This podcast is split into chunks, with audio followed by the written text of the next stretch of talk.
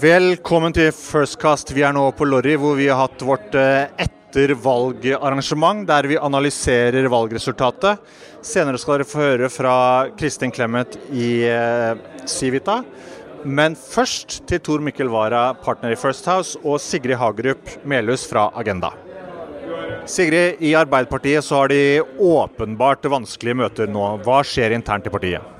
Ja, Det er ikke så godt å si. De skal gjennom en veldig grundig runde, eh, hvor de skal hente inn mange ulike innspill, gjøre veldig mange ulike analyser om hva som har skjedd. Eh, og Det jeg håper på, eh, det er jo selvfølgelig at de ender på den riktige problembeskrivelsen. For det er veldig mange som nå eh, løper til, ønsker å komme med forklaring på hva som har gått galt. Både fra høyresiden og, og fra mer ut på venstresiden. Eh, og For Arbeiderpartiets del så er det selvfølgelig helt avgjørende at de, at de kommer på riktig problembeskrivelse. F.eks. så er det jo ganske mange på høyresiden som forsøker å forklare dette her som en sånn sosialdemokratisk trend at Arbeiderpartiets utvikling dette valget her er det samme som på en måte altså reflekterer at nå er Arbeiderpartiet en del av den europeiske sosialdemokratiske familien. Jeg skal bare stoppe deg der, for det vet jeg at Tor Mikkel tror kanskje er en av grunnene. Tor Mikkel, eh, hva tenker du? Nei, jeg, jeg, sier ikke at det er en av grunnene. Jeg sier at det er et av de viktige spørsmålene vi må stille før vi holdt på å si, kapper hodet av eh, Jonas Gahr Støre. For det er ikke sikkert det er han som er skyld i det her. For hvis det er en lengre trend, så er det ikke et lederproblem vi har her. Og, og dette bare baserer seg ikke på noe annet enn følgende, nemlig at vi vet at summen av sosialdemokratiske partier har redusert oppslutning i Europa. De har vært eh, relativt dramatisk tredje, De har mista en tredjedel av velgerne sine. Så det er sikkert forskjell mellom Norge og resten av Europa. Men på samme måte som, eh, som eh, det er noen trender som går igjen, så tenker jeg at også sosialdemokratiet, fordi de er forankra i et gammelt bilde av klassesamfunnet, Arbeiderpartiet, det ligger i ordet, et begrep som på mange måter har mista sin kraft. Ja, men det er rett og slett helt feil analyse. Eh, fordi Det som er forskjellen fra Arbeiderpartiet og på en måte arbeider, eh, hva skal man si, venstresiden i Norge og andre land, som Tor Mikkel gjerne ønsker å sammenligne med, er at I Norge så har vi jo en, en fagbevegelse på 900 000 medlemmer. Eh, store deler av den norske arbeidsstyrken er organisert. Og Arbeiderpartiet i Norge har jo en, en, et veldig tett samarbeid med fagbevegelsen.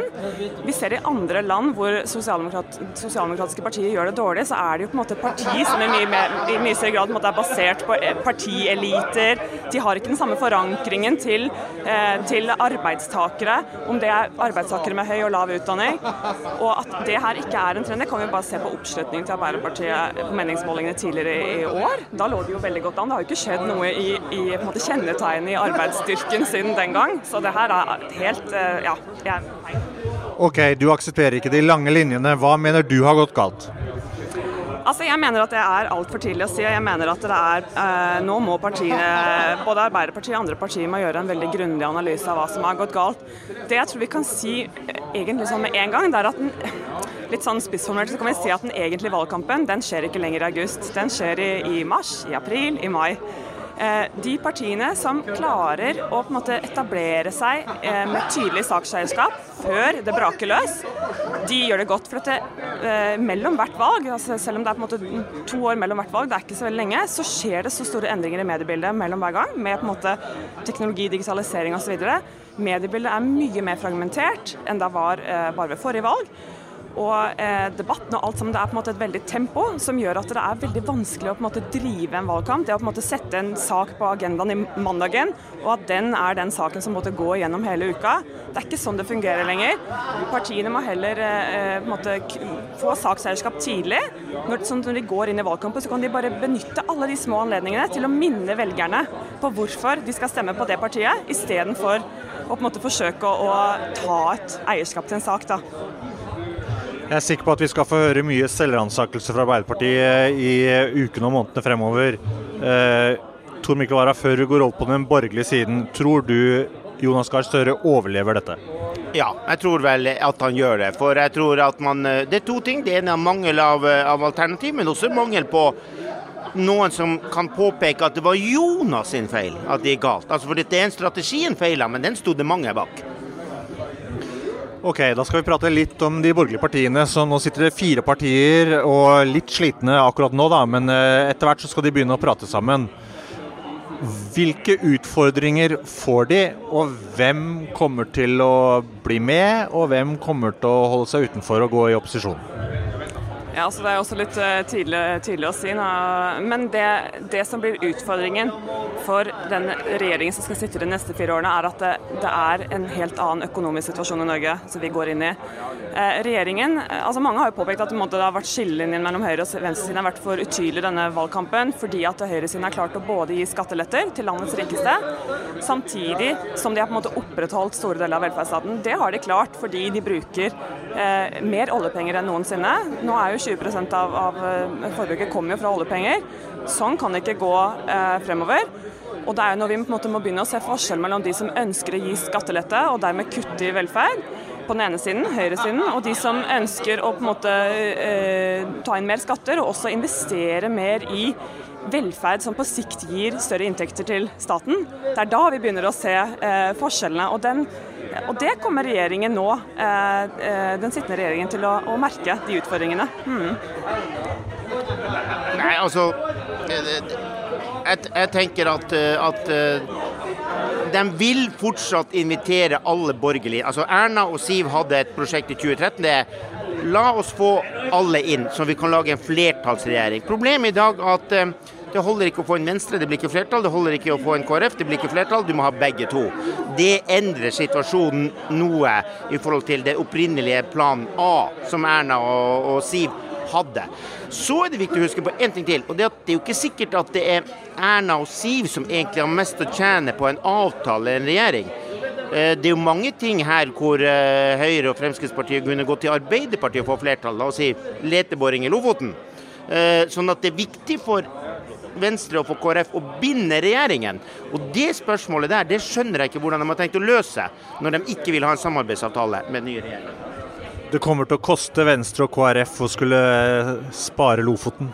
Nei, altså, de, jeg tror at de får avtale hvis de vil, men det er dem som har sagt at de ikke vil ha en avtale. Eller Venstre har ikke sagt det, KrF har sagt det. Eh, at de ikke vil ha en avtale. Og da har vi et eh, problem, vi har en alvorlig utfordring i forhold til at de får da ikke gjennomslag for det. For dette er mindretall. Dette er bitte små partier i Stortinget som klarer å styre majoriteten fordi de er på vippen. Og Hvis de ikke bruker den makta ved å være på vippen, så vil selvfølgelig makten bli redusert på innflytelse. Og, og husk at masse ting 70, Det er 70-80% flertall for å bore leite i Lofoten, f.eks. Men det har aldri skjedd. Fordi at enten har SV eller så har Venstre sagt nei. Og Hvis man ikke er villig til å bruke den makta, så blir det selvfølgelig leteboring i Lofoten. Og dette er bare et eksempel på mange sånne saker. Helt praktisk nå. Nå skal partiene slappe av litt og tenke litt og vurdere litt sine egne synspunkter, og så skal man begynne å prate sammen. Hva er, hva er det som helt praktisk skjer i månedene fremover nå? For Erna har jo sagt at hun har god tid. Erna har sagt at hun har god tid, fordi at uh, det er ikke flertall for et mistillitsforslag mot den sittende regjering, så det betyr at du har tid. Den regjeringen har også eh, lagd ferdig et statsbudsjett som skal fremmes. Så det de nå gjør, det er å uh, ta seg tid. Og så inviterer Erna helt sikkert både lederen i KrF og lederen i Venstre inn til samtaler. Og for Én ting er det de sier til pressen, men det skal være litt formelle regler her. Du skal si det også i et møte til statsministeren. Vi vil ikke. Ikke sant? Så, så, alle de tingene skal du gå igjennom. Men når Erna sier at hun har så god tid, så er det fordi han oppriktig ønsker at eh, eh, Trine Skei Grande og Knut Arild Hareide skal tenke seg om. Det er jo ikke uten grunn. Hun mener at la tenke dere litt om det. Så tar vi et møte senere, og hun kommer sannsynligvis til å fortsatt si dere er velkommen inn i denne regjeringen når dere vil og når dere ønsker. Og det er mitt mål, for hvis begge to blir med i regjering, så har vi flertall.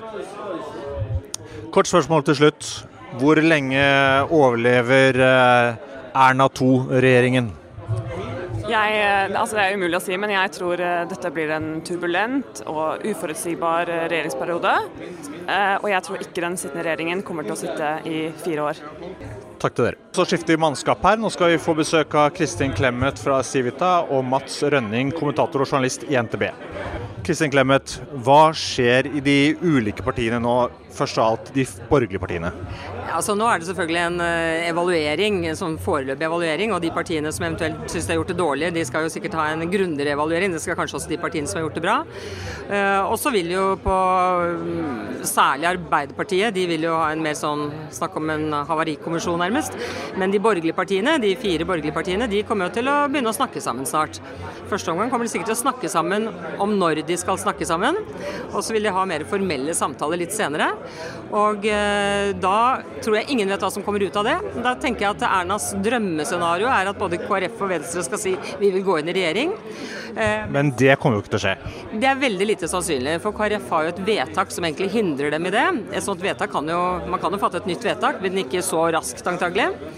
Eh, men det er vel ikke 100% usannsynlig at Venstre går inn i regjering. Og så kan man si at det, På den andre siden så kan det ende med at det bare er Høyre og Fremskrittspartiet går videre, og at det ikke er noen avtaler eller noe som helst. og Da er det en, en mindretallsregjering som lever farligere enn den vi har hatt til nå. Og det spekuleres det jo allerede. Hvor, hvor svekket er Ernas regjering nummer to sammenlignet med nummer én? Det gjenstår å se. Altså, hun lever, kommer til å leve farligere. Men, eh, for hun kommer høyst sannsynligvis ikke til å ha en samarbeidsavtale. Eh, men allikevel så er jo Erna etter hvert blitt en eh, politisk ringrev av rang. Da. Jeg mener Hun er veldig god til å se det politiske bildet, og virker jo nå veldig opptatt av at hun må ha en, føre en politikk i regjering som er forankret i alle de fire partiene. Som kommer nok til å legge stor vekt på det. Og som jeg jeg selv har erfaring fra mindretallsregjering. Og jeg kan ikke si jeg egentlig opplevde det som så veldig vanskelig å danne flertall i Stortinget. Jeg dannet masse flertall, jeg sier jeg da med regjeringen på mitt område, med SV. Det hendte med Fremskrittspartiet. Eh, så det gikk eh, rund baut. Og det krever litt flere strategiske evner og litt mer gjennomtenkning. Men det er det jo mange som har erfaring til å gjøre i regjeringen. Eh, Mats, nå skal fire partier sette seg ned og vurdere hvem som skal være i regjering med hverandre. Hvor er de ulike minnefeltene? Jeg tror som Kristin er inne på at vi skal holde veldig mange muligheter åpne nå. De har i dag vært opptatt av at de har god tid. Det er en måned til budsjettet skal legges fram. Mye kan skje. Det koker litt i Folkets hus, og mye som er i, i spill. Senterpartiets rolle er også interessant. De har gått kraftig fram og har allerede begynt å se mulighetene for å spille sitt spill, som de er veldig gode på, nemlig søke alternative flertall på tvers av, av, av fastlagte mønstre. Rovdyrpolitikken med Høyre og Frp f.eks., distrikt- og landbrukspolitikk med KrF.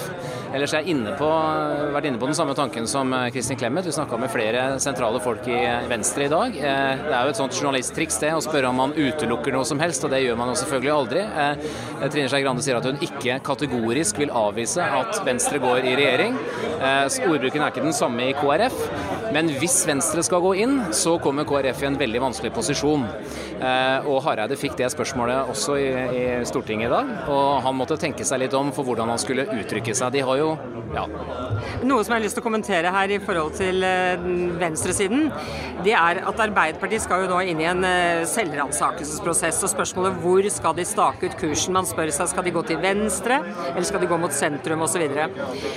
Dette kommer til å bli veldig vanskelig for Arbeiderpartiet. Nå har vi da en venstreside med SV og Rødt.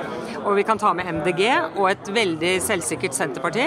Alle disse her har veldig høy sigarføring nå. De føler at de har gjort det veldig veldig bra. Og de skal da stå og plage, hvis jeg kan bruke et sånt uttrykk, Arbeiderpartiet fra venstre. Eller fra distriktene, eller hvor man skal si.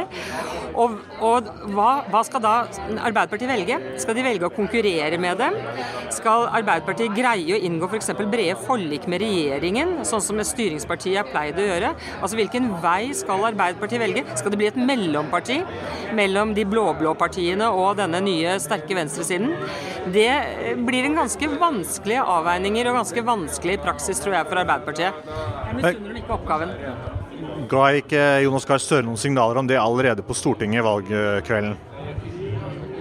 Hvor han da sa at han kom til å samarbeide med regjeringen hvor det er naturlig. Jo da, men dette skal nok bli vanskeligere i praksis. Altså, det så vi også i valgkampen, hvordan, eh, som jeg nevnte her på møtet vi nettopp har vært på, at du så sånne raske små strategiskifter i Arbeiderpartiet hvor de plutselig begynte å konkurrere med SV om å snakke om økonomisk ulikhet, og plutselig konkurrere med Senterpartiet og snakke om distriktspolitikk. Og det er vel fordi de føler at denne, altså angrepet som kommer fra alle kanter, da, at det blir veldig vanskelig. Og det risikerer de at denne perioden kommer til å være preget av.